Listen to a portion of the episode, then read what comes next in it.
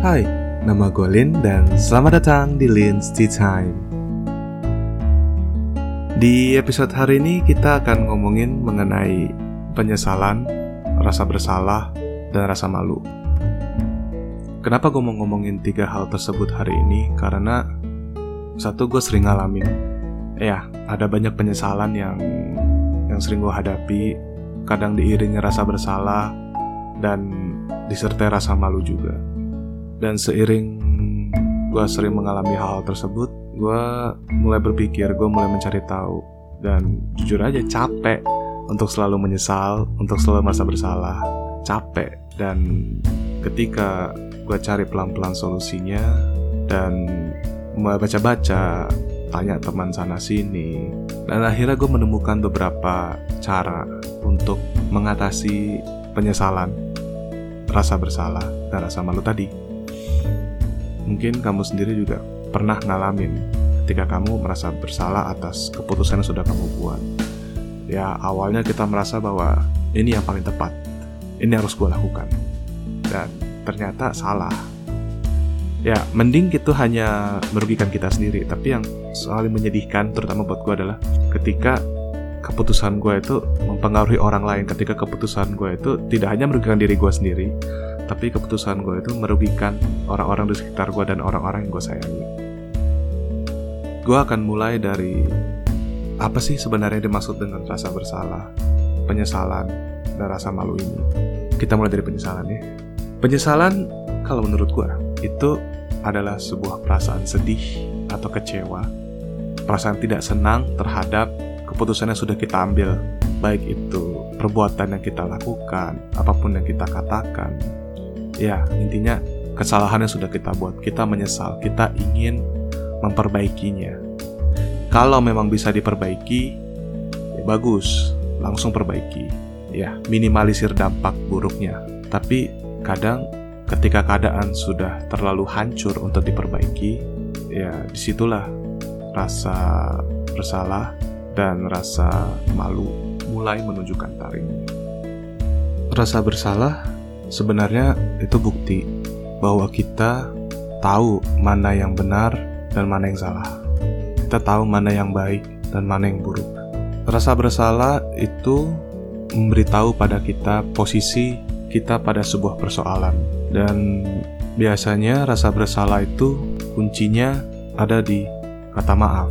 Kadang maaf saja itu nggak cukup, harus dibarengi dengan komitmen atau janji untuk menjadi lebih baik lagi. Perasaan bersalah ini sering kali menghantui seseorang, menghantui kita. Ya, gue pernah dihantui rasa bersalah dan itu nggak enak banget dan gue udah minta maaf, gue udah dimaafin, tapi gue masih merasa bersalah dan gue nggak tahu kenapa.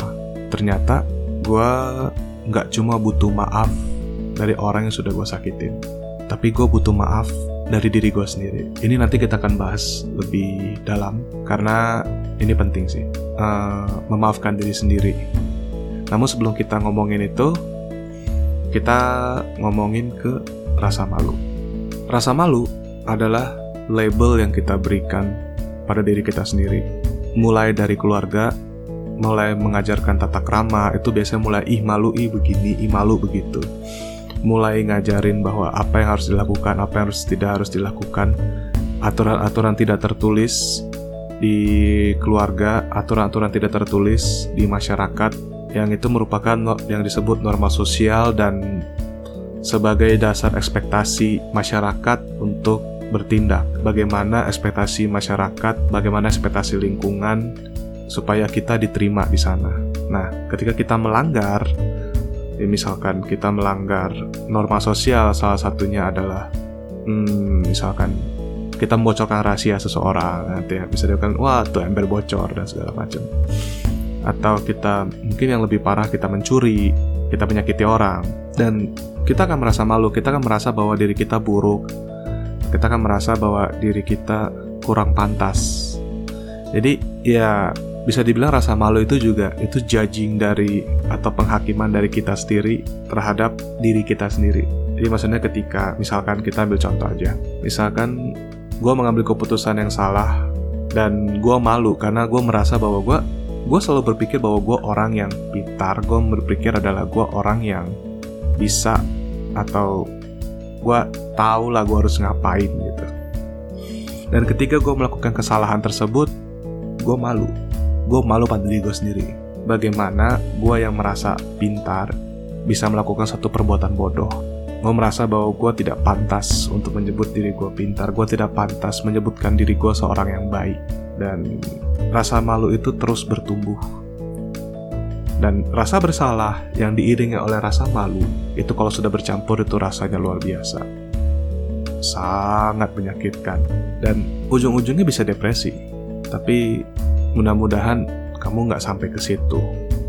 Nah, bagi kamu yang mungkin sekarang masih dalam penyesalan atau mungkin kamu yang merasa bersalah atau mungkin kamu merasa malu atas apa yang sudah kamu lakukan, gue akan ngasih bukan solusi ya, tapi apa yang sudah gue lakukan untuk memperoleh hmm, memperoleh damai atau memperoleh kedamaian buat diri gue sendiri dan supaya gue bebas bukan bebas sih gue lepas dari ketiga perasaan tadi rasa penyesalan rasa bersalah dan rasa malu. Yuk kita mulai. Yang pertama adalah gue akan mulai dengan menerima keadaan apa adanya. Oke okay, gue udah nyakitin seseorang. Oke okay, gue udah merugikan orang lain. Oke okay, memang keadaannya sudah begitu. Yang lalu sudah berlalu. Tidak bisa dirubah lagi. Memang ini ini butuh waktu dan ini nggak mudah, tapi ini penting sebagai tahap awal penyembuhan. Di tahap ini, kamu boleh berduka, kamu boleh sedih, tapi kamu harus ingat buat bangkit. Nah yang kedua, kamu telah ah perasaan apa yang sedang kamu alami. Kamu harus mengakui apa yang kamu alami, terutama kalau cowok-cowok ya kan laki nggak boleh nangis terus cowok harus kuat dan segala macam tapi kadang masalah hidup itu berat banget kadang penyesalan kita atau ketika kita merasa bersalah itu menghantui gitu. Kita merasa cemas kita nggak tenang susah tidur susah makan dan kamu harus mengakui hal-hal tersebut. Jujur ya kamu nggak harus ngomong ke semua orang bahwa kamu sedih bahwa kamu kecewa bahwa kamu merasa bersalah atau kamu menyesal. Nggak nggak usah. Tapi pada diri kamu sendiri kamu harus jujur. Kamu akui apa sedang terjadi. Dan kalau kamu memang melakukan sebuah kesalahan akui juga kamu sudah melakukan sebuah kesalahan dan yang sekarang bisa kamu lakukan adalah hal-hal yang ada dalam kendali kamu. Kalau memang sesuatu terjadi karena di luar kendali kamu, ya kamu udah gak bisa apa-apa. Kamu harus terima keadaan apa adanya. Yang ketiga adalah bicarakan apa kamu rasakan dengan orang yang tepat. Hmm, bisa ke teman dekat yang bisa jaga rahasia ya. Bisa ke anggota keluarga yang mau dengerin dan bisa mengerti kamu. Karena banyak di anggota keluarga yang kadang nggak ngerti cuma kayak ah apa sih? Udahlah gitu. Mereka nggak mau tahu apa yang terjadi gitu. Nah kamu mungkin punya kakak adik saudara sepupu yang mungkin sepataran kamu atau pastilah ada anggota keluarga yang mau dengerin kamu apa adanya dan bisa ngertiin kamu. Uh, di sisi lain kamu bisa ngobrol sama psikolog juga. Ini menarik karena menurut pengalaman gue sendiri uh, ketika temen gue ada satu event di kafenya namanya duduk bareng psikolog. Gue nyobain aja iseng karena ya gue pengen tahu gitu apakah gimana sih rasanya ngomong sama psikolog gitu kan. Dan ternyata ngobrol sama psikolog itu asik. Asik. Dan ya bukan berarti ngobrol sama psikolog itu kamu udah gila ya bukan. Kamu bisa ngobrol apa aja sama psikolog dan kalau kamu ketemu psikolog yang tepat mereka akan membantu kamu meringankan beban-beban psikologis kamu beban-beban di pikiran kamu, dan mungkin mereka bisa kasih solusi. Yang keempat, kamu harus maafin diri kamu sendiri. Seperti tadi yang udah gue bilang, bahwa kadang kita sudah meminta maaf, kadang kita udah berusaha memperbaiki keadaan, tapi tidak cukup. Kadang kamu sudah dimaafkan, kayak gue tadi udah dimaafin, tapi gue merasa kok gue masih sedih, kok gue masih menyesal, kok gue masih merasa bersalah gitu. Gue nggak tahu kenapa. Dan ketika gue mencoba untuk memaafkan diri gue sendiri. Teman gue ngomong sih lu lu udah minta maaf kan ke orang lain? Lu udah minta maaf ke dia? Lu udah minta maaf ke diri sendiri? Oh, di saat itu gue langsung tercengang. Wow. Iya ya selama ini gue jarang mikirin konsep bahwa gue perlu dimaafkan oleh diri gue sendiri karena ya kesannya kayak ya udahlah ya gue udah tahu gue siapa gitu. Tapi gue coba memaafkan diri gue dengan cara uh, okay, ya gue minta maaf. Karena gue udah bikin kacau gue udah bikin masalah buat buat kita. Gue udah bikin masalah dan gue minta maaf. Ya semoga lo mau maafin gue gue bilang ke diri gue sendiri. Dan ini beda dengan bela diri ya. Ini beda. Kalau membela diri itu kita tidak menerima kenyataan bahwa kita itu salah. Atau kita berusaha menutupi kekurangan kita tapi ini enggak. Kita minta maaf ke diri sendiri. Nah ini mungkin kamu bisa coba. Kamu bisa tulis surat mungkin atau kamu bisa ngobrol sama diri kamu sendiri kamu bisa rekam. Coba minta maaf ke diri kamu sendiri dan mungkin itu yang kamu butuhkan. Yang kelima ambil pelajaran dan hikmahnya. Karena segala sesuatu apa yang sudah terjadi pasti ada yang bisa kamu jadikan pelajaran. Pasti ada hikmahnya. Dan setidaknya kesalahan-kesalahan kamu itu bisa menjadi contoh bagi kamu dan orang lain untuk dihindari atau harus jadi lebih baik.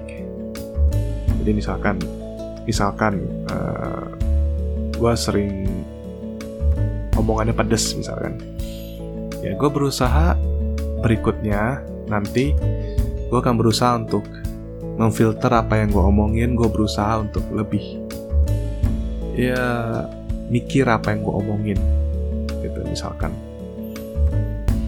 Jadi berikutnya gue berusaha supaya yang pasti pertama mikir dulu sebelum ngomong pikirnya baik-baik.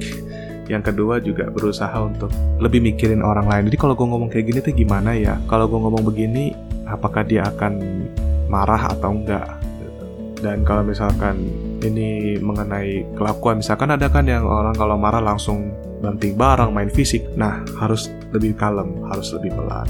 Pelan. Nah untuk tenangin diri nanti ada lagi cara tapi yang pasti yang pertama tarik nafas dulu ya. Oke. Hmm, yang terakhir kalau kamu sudah move on misalkan masa kamu sudah menerima apa adanya kamu sudah terima keadaan kamu sudah maafin diri kamu sendiri kamu udah ngobrol sama orang lain. Oh ya dan kalau kamu sering ngobrolin hal ini, perlahan-lahan itu akan makin tumpul. Jadi, kalau kamu simpan sendiri, itu akan rasanya berat banget. Karena ya tadi, pikiran kamu tuh bisa menggandakan perasaan kamu. Terutama perasaan-perasaan negatif itu bisa di, apa namanya, bisa di, istilahnya apa, di amplify, digandakan, ya kali ya. Ya intinya, bisa jadi makin berat setiap harinya kalau kamu nggak ngomongin apa yang kamu ngomong ya jadi ya tapi jangan terus-terusan kamu keluarin. Enggak tapi kamu juga harus tahu batasnya juga. Tapi yang pasti kamu harus ngomong dulu kalau kamu ke psikolog kamu ke psikolog kamu ke teman-teman dekat yang nggak akan bosan dengerin kamu karena kamu akan ngomong ini terus terus dan seterusnya lagi sampai mereka bosan ya gue gue sendiri juga punya teman yang kayak gitu dan mereka bilang gile udah udah dua minggu kali lo ngomongin hal yang sama dan gue baru sadar oh iya ya gile dua minggu cuy. Gue ngomongin hal yang sama dan nggak bosan-bosannya gue ngulangin lagi. Gue ngulangin lagi gue ngulangin lagi. Ya. Nah berikutnya nomor 6 gunakan energi kamu untuk hal lain yang lebih positif. Nah berdasarkan pengalaman gue ketika kita menyesal ketika kita merasa bersalah dan malu itu tuh kayak aduh nggak mau keluar rumah nggak mau ketemu orang nggak mau ngapa-ngapain tenggelam aja punya tiduran nggak mau makan. Tapi setelah gue pikir-pikir setelah gue nerima hal apa adanya ternyata gue punya tenaga. Ya mungkin gue masih keinget gitu kan. Aduh gue punya salah aja aduh gue begini gue begitu. Untuk mengalihkan pikiran kamu kamu harus melakukan sesuatu. Mungkin kamu harus coba hobi baru atau kamu harus coba aktivitas sosial itu akan membantu banget untuk kita jadi lebih merasa berguna bagi masyarakat. Karena ketika kita menyesal ketika kita bersalah dan kita melakukan suatu kesalahan tuh kita merasa kita nggak berguna gitu jadi ketika kamu melakukan aktivitas sosial kamu jadi relawan, kamu bantu-bantu orang, itu tuh akan mengobati kamu sedikit demi sedikit. Kamu akan merasa bahwa ternyata kamu masih bisa melakukan kebaikan, kamu masih bisa bermanfaat bagi orang lain, kamu masih bisa membahagiakan orang lain. Gitu.